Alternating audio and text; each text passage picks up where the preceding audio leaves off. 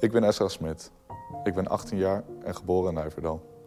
Vanaf mijn negende ben ik verhuisd naar Apeldoorn en zijn mijn ouders aangesloten bij Upstream. Ik ben christelijk opgevoed en heb van jongs af aan alles over de Bijbel, over God en wat Jezus op aarde heeft betekend meegekregen. Ik heb hierdoor altijd in het bestaan van God geloofd. Er is geen punt in mijn leven geweest dat ik getwijfeld heb aan zijn bestaan. Toen ik ouder werd, kwamen er natuurlijk wel vragen bij mij op over bijvoorbeeld verschil met andere geloven. Ik kwam altijd uit bij God van de Bijbel. Tot mijn vijftiende, ging ik verplicht mee naar de kerk. Ik ging automatisch naar alle groepen van de Remo Kids, tot uiteindelijk de jeugdgroepen Extend en Together. Hoe ouder ik werd, hoe meer ik mijn eigen leven wilde leiden en zelf wilde nadenken over mijn leven. Ik was soms gefrustreerd op mijn werk, waardoor ik nog wel eens mensen kon uitvoeteren en deze mensen het beste toewenste. Thuis kon ik tijdens het gamen door het dolle heen gaan als ik verloor. Ik was snel opgefokt, waardoor ik met spullen ging gooien of iedereen in mijn huis kon horen schreeuwen en schelden. Maar ondanks dat wist ik altijd dat het beter is om mij bezig te houden met God.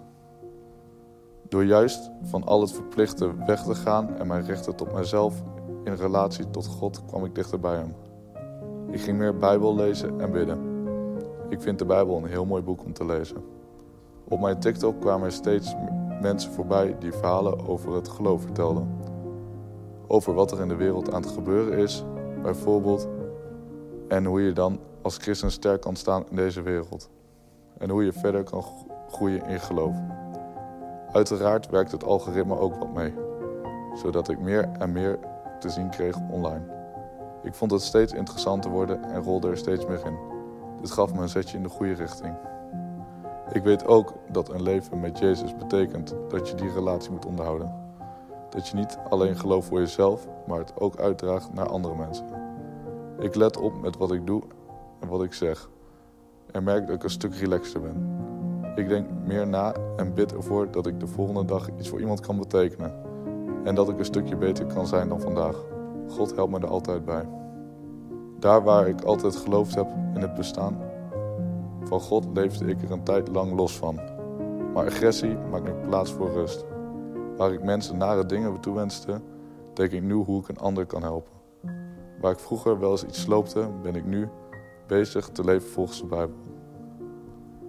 Ik werk momenteel vier dagen in de week bij de McDonald's en doe een horecaopleiding BBL in Zwolle. Ik heb nog steeds dezelfde vrienden voor als na mijn bekering. Ik doe alleen niet mee met verslavende dingen zoals roken, blowen of vapen. Daar hoef ik niet aan vast te zitten. Dat kan erg afleidend zijn voor het geloof en als je te ver in gaat, kan het je op de verkeerde weg zetten. Mijn vrienden snappen natuurlijk en respecteren mij erin. Ze vinden het helemaal geen probleem.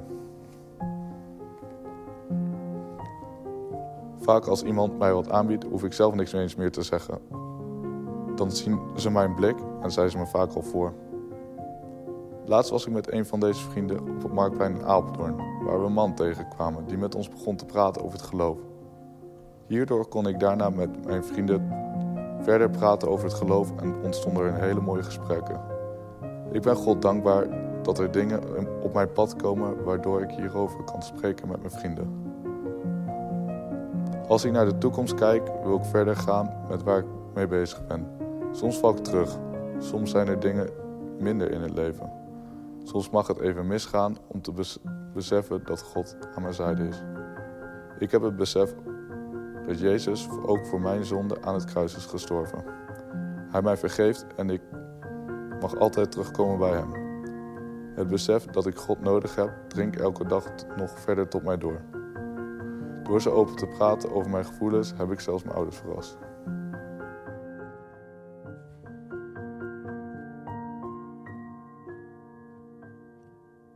Amen.